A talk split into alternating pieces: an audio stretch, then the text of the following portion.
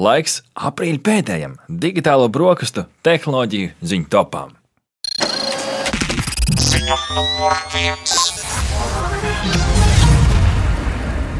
Pēc divām atlikšanas reizēm Eiropas parlaments ir veicis galīgo balsojumu par kripto kriptoaktīvu tirgus regulējumu, kas zināms arī kā MICA, jeb Markets in Crypto Assets Regulation. Ja to apstiprinās arī Eiropadoma, kas ir tas pēdējais atlikušais solis, tad dažādām kriptovalūtu kompānijām, kas ir gan digitālie maciņi, gan biržas un tā tālāk, būs pienākums reģistrēt savu darbību arī Eiropas Savienības dalību valstīs pie to finanšu regulatoriem, kā stāsta portāls Kursors. Nu, pat Eiropas parlamenta deputāti šo ir nosaukuši par tādu būtisku pagriezienu kriptovalūtu nozarē. Līdz ar jauno šo regulējumu Eiropas politikas veidotāji vēlas noteikt standarta regulējumu un izveidot saskaņotus noteikumus kriptovalūtu aktīviem Eiropas Savienības ietvaros. Nu, tā vienkāršojot to sarežģīto teikumu, izklausās, ka grib ieviest kārtību arī, lai visi spēlē pēc vienotiem noteikumiem arī šeit, Eiropā. Mica tiks ietverts arī vadlīnijas kriptovalūtu aktīvu darbībai, struktūrai un pārvaldībai. Tāpat būs iekļaut arī noteikumi par caurspīdīgumu attiecībā uz kriptovalūtu emisiju un tirzniecību. Jā, un precīzāk skaidrojumu par to, kādas izmaiņas reāli mūs sagaida, vaicājām Latvijas Bankas Finanšu tehnoloģiju pārvaldes departamenta vadītājai Marinē Krasovskai. Mika regulējuma mērķis ir radīt jaunu un vienotu kriptoaktīvu regulēšanas un uzraudzības režīmu visās Eiropas Savienības dalībvalstīs, veicināt inovāciju attīstību un plašāku sadalītās virsgrāmatas tehnoloģijas izmantošanu, vienlaikus saglabājot finanšu stabilitāti un aizsargājot ieguldītājus pret riskiem. Mika regulējums attieksies uz juridiskām un fiziskām personām, kas ir iesaistīti kriptoaktīvu emisijā, publiskajā piedāvājumā, tirdzniecībā vai sniedz citus pakalpojumus. Līdzīgi kā citiem finanšu tirgus dalībniekiem, kriptoaktīvu pakalpojumu sniedzēju darbībā regula ievieš jaunu licencēšanas kārtību un stingras prasības attiecībā uz kapitāla nodrošināšanu, organizācijas pārvaldību un informācijas sistēmas drošības standartiem. Augstās prasības tiks ieviestas attiecībā uz iekšējas kontrolas sistēmu un risku pārvaldību, kas palīdzēs novērst noziedzīgu darbību un aizsargās ieguldītāju intereses. Būs arī jaunas prasības attiecībā uz klientu līdzekļu pārvaldību, informācijas sniegšanu ieguldītājiem par kriptoaktīvu raksturu un ieguldījumu riskiem. Jā, nu tikai pieminēšu, ka MICA īpašie noteikumi, kas attiecas uz eiro piesaistītām digitālajām valūtām, stāsies spēkā 2024. gada jūlijā. Savukārt Pārējie nosacījumi, tostarp tie, kas būs jāievēro kriptovalūtu pakalpojumu sniedzējiem, kļūs aktuāli 2025. gada janvārī. Ziņa. Sociālais tīkls Twitter kārtējo reizi nokļuvis krustaganīs pateicoties tā zilo ķeksīšu, jeb blue checkmarks. Kā jau iepriekš ziņojām, digitālajās brokastīs platforma ir izmainījusi tās politiku. Tātad tas vairs nav tāds leģitimitātes zīmols, jeb zīmoks eh, kontam, bet gan abonenta maksa, ar abonentu maksu nopērkam nozīmīti. Tāpat laikā nozīmīti platforma esot sākus piešķirt vienkārši slavenām personām bez maksas vai pat saskaņojuma, nemaz neprasot viņi to vēlas vai nē.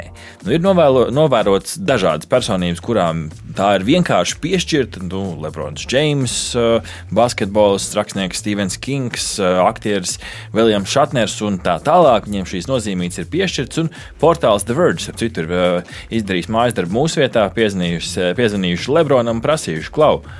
Karali, vai tu pirki to nozīmīti? Karalis saka, nē, nepirku, gan nemaksāju. Un izrādās, tā esot diezgan liels skaits cilvēkiem, kuriem tās ķeksīši vienkārši ir piešķirti atpakaļ. Nu, interesanti. Ir pat novērots sentiments, ka šie ķeksīši ir kļuvuši par tādu, nu, pat tādu negatīvu konotāciju, ka cilvēki pat iespējams nevēlas, lai viņiem to ķeksīti dod, jo tas, eh, kā skaidro arī nu, šīs idejas eh, pretinieki, eh, kur nodēvējuši sevi par Block the Blue, jeb bloķē zilo kampaņu, kuras ietvaros viņi aģitē par to, ka ir jābloķē visus tos, kuriem ir šis zilais ķeksis, jo šādā veidā par naudu tiek pirkta uzmanība, neskatoties uz to, vai saturs ir vērtīgs, kāds ir vēstījums. Un ir pat Rihards, pirmie gadījumi, kur šeit saistībā ar mm, Āfrikā notiekošo Sudānā, manuprāt, ar kara, mm -hmm. kara, kara darbību. Turpat ir bijušas kādas manipulācijas ar kontiem, kur ir bijis šāds te, nopirkts konts ar zilo ķeksi pārdevējies laikam un sācis rakstīt uh, nepatiesu informāciju par kādu, uh, kāda, kāda uh, karavīra laikam nāvi. Un, Sākās liels problēmas šī, šī iemesla dēļ. Ir jau nu, tādas pirmās, pirmās vētras parādījušās pie apgājuma šai pārmaiņu dēļ. Jā, nu, droši vien, lai neapjuktu visās iespējās, daudzajās, ko piedāvā Twitter, tad atgādināšu, ka zilais ķeksītis ir šis Twitter Blue subscription, tātad par to ir jāmaksā. Tad ir zelta, kas ir oficiāls, verificēts biznesa konts. Lielie zīmoli, visticamāk, tādus var sev nopelnīt. Tieši tā. Tad pelēkais ir valsts iestādes un publiskās pārvaldes pārstāvji. Es gan Latvijas tāpēc neesmu redzējis, ka mums valsts iestādēm tas ir, bet pāvests gan ir šādi ķeksīti. nu, tad ir arī affiliated account, tātad konts, kurš ir piesaistīts kādai organizācijai, mm -hmm. tātad citam oficiālam Twitter kontam, tātad arī šāda iespēja. Tad ir uh, automated account. Tāda nozīmīta, jā. Jā, tas nozīmē, ka konts profils ir uh, automatizēts. Šeit labs piemērs ir laika ziņu šie Twitter, uh, Twitter vadlīnijas, kur vienkārši no sistēmas nolasa un automātiski mm -hmm. teksts. Nu, tur cilvēks nestāvēs tā teksta aizmugurē. Un tad ir category labels, tātad nozīmīts, kuras kontam var uzlikt, ja konts ir um, pārvērsts par profesionālo Twitter kontu. Jā, šis vairāk profesionāļiem, kuriem gribās kādu nozīmīt, piemēram, kafejnīca vai veikals un tā tālāk. Kas ir pēdējā amizantā lieta, šīs nozīmītas atgriežas un atgriežas tā skaitā arī cilvēkiem, kas vairs nav ar mums. Maiklam Džeksonam, Čedvikam Bozmanam, Polam Vokaram, Džamalīku Šogi un tā tālāk. Šie visi cilvēki ir šos tekstīšus dabūjuši. Nu, Skaidrs, ka viņi jau nu gan nepaprasīja tos. Kā šis viss beigsies, un cerams, ka ne ar Twitter norietu. Ziņa numur 3. Rihards, pirmā privātā nosēšanās uz mēnesi. Kā tad tā beidzās? Dzirdēju, ka neveiksmīgi. Jā, nu varbūt tas kosmosa kuģis tur nosēdās, varbūt nē. To neviens nezina, jo Japānas jaunu uzņēmums iSpace zaudēja savienojumu ar savu mēnešu nolaišanās ierīci tieši pirms tās nosēšanās, kā stāsta portāls The Verge. Hakuto R Mission 1 nosēšanās iekārta pietojās mēnesis virsmai, un tajā brīdī inženieri saprata, savienojums ir zudis. Kā viņi paši arī komentēja, tad uh, savienošanās signāli viņi zaudējuši, un līdz ar to viņi pieņem, ka nosēšanos viņi nevarēja pabeigt. Varbūt beig beigās tas, tas mēnesis aparāts tur stāv un nākotnē kosmonauts viņu atradīs. Kas to lai zinātu? Tur redzēja, cik tuvu viņš tika pie tās virsmas. Es, es diemžēl, nenoskatījos šo tiešraidi, bet, bet katrā ziņā mēnesis bija ļoti tuvu grābiena attālumā. Tas tiešām žēl, jo šī misija sākās pagājušā gada decembrī. Tad kāds laiks ir pagājis, līdz šī iekārta vispār varēja nonākt no Kalnaverālas raga Floridā līdz pat mēnesis eh, virsmai.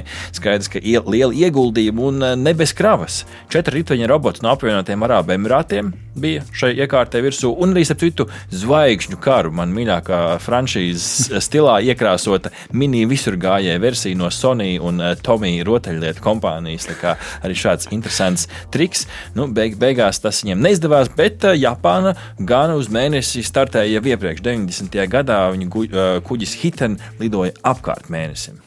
Jā, no nu, Holivudas filmu cienīgs scenārijs tiešām uh, savienojas pazudusi pēdējā, pēdējā brīdī pirms nosēšanās.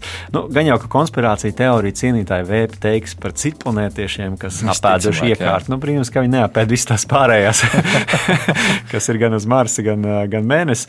Bet jā, tad pieminēsim, ka valsts, kuras ir devušās Mēnesi misijās, ir tātad ASV, Japāna, Eiropas kosmosa aģentūra, Ķīna, Indija, arī Padomju Savienība, Luksemburga, Izraela, Itālija, Dienvidkoreja un apvienotie Arābu Emirāti. Ziņa numur 4. Rīgas Tehniskā universitāte ir izsludinājusi konkursu universitāšu studentiem programmas InnoHealth Hub ietvaros ar diviem izaicinājumiem. Abi no tiem saistīti ar lieliem datiem vai genomu datu analīzi tieši vēža diagnostikai. Tātad konkurss ar diezgan tādu labu un cerams tālredzīgu mērķi. Divi risinājumi, kur lielie dati ir jāizmanto. Viens ir ļaundabīgo audzēju ģenētikā diagnostikā un prognozēšanā, un otra jāpēta mākslīgā intelekta izmantošana lielo vai genomu datu analīzē analīzē. Abas divas tādā šo vēža diagnostiku. Un kas ir patiešām fantastiski, studenti tiek aicināti iesaistīties. Viņiem tiek piedāvāts viss no apmācības līdz prototipēšanai, līdz mentoriem un tā tālāk. Ir pat 45,000 eiro liels finansējums pateicoties uzņēmuma mikrotīkla ziedojumam, un studenti pat varēs pretendēt uz 450 eiro lielu ikmēneša stipendiju. Tātad ne tikai dara kaut ko labu, bet arī beigās saņem par to kādu naudu novērtējumu. Bet 25 studenti var tikt iekšā šajā, šajā konkursā. Pieteikšanās līdz 10. maijam adresē e-punkts inno.hh. Jā, nu, fantastiski iespēja. Es pieminēšu, ka tehnoloģija kontekstā ir tāds vēl viens sasniegums medicīnā. Traumatoloģijas un ortopēdijas slimnīca ziņo, ka šī gada martā tika veikta ļoti sarežģīta iegurņa audzēju operācija. Jā, dzirdēju par to. Operācijas laikā tika veikta iegurņa kaulu izņemšana un aizvietošana ar pacientam individuāli izgatavotu 3D printētu titāna implantu. Šāda veida operācija Latvijā ir veikta pirmo reizi. Un, starp citu, 3D printētie individuāli implanti ar vien plašāk tiek pielietoti kaulu rekonstrukcijā pēc iegurņa kaulu audzēju rezekcijām. Nu, iespaidīgas lietas ar tām tehnoloģijām var panākt. Ziņa numur 5. Saziņas platforma WhatsApp turpmāk varēs lietot eh, līdz pat četrās viedierīcēs reizē. Tad šobrīd mēs varējām no sava konta tikai vienā viedierīcē, varēsim eh, turpmāk četrās, kā stāsta portāls kursors. Eh, līdz, dalība būs līdzīga kā šobrīd web versijā. Visticamāk, no oriģinālās ierīces būs jānoskatē kāds QR kods, un tad šajā ierīcē varēsim izmantot. Nu, kam tas ir noderīgi? Nu, visticamāk, cilvēkiem ar četriem telefoniem un biznesiem. Biznesiem, kuriem ir biznesa, WhatsApp biznesa versijā, kurā arī tas būs pieejams. Tur šī iespēja arī būs pieejama. Līdz ar to varēs piesaistīt vairākus kolēģus, lai, piemēram, atbildētu uz cilvēku jautājumiem. Jo šobrīd diezgan daudz arī biznesa izmanto WhatsApp priekš saziņas. Nu, tagad, turpmāk, tas būs daudz vienkāršāk, bet nu, šī iespēja, protams, kā jau ar visām, ienāk pakāpeniski un ar novēlošanās. Gaidām jaunāko WhatsApp update, un tajā brīdī arī liekam iekšā un pamēģinam. Varbūt varēsim uz vēl kādu telefonu WhatsApp palietot. Aha! Paldies, ka noklausījāties mūsu līdz galam! Ja patika, uzspiediet like, atstājiet komentāru vai padalieties ar draugiem. Un nobaudiet arī citas epizodes, kā arī sekot mums, lai nepalaistu garām savu ikdienas tehnoloģiju ziņu devumu.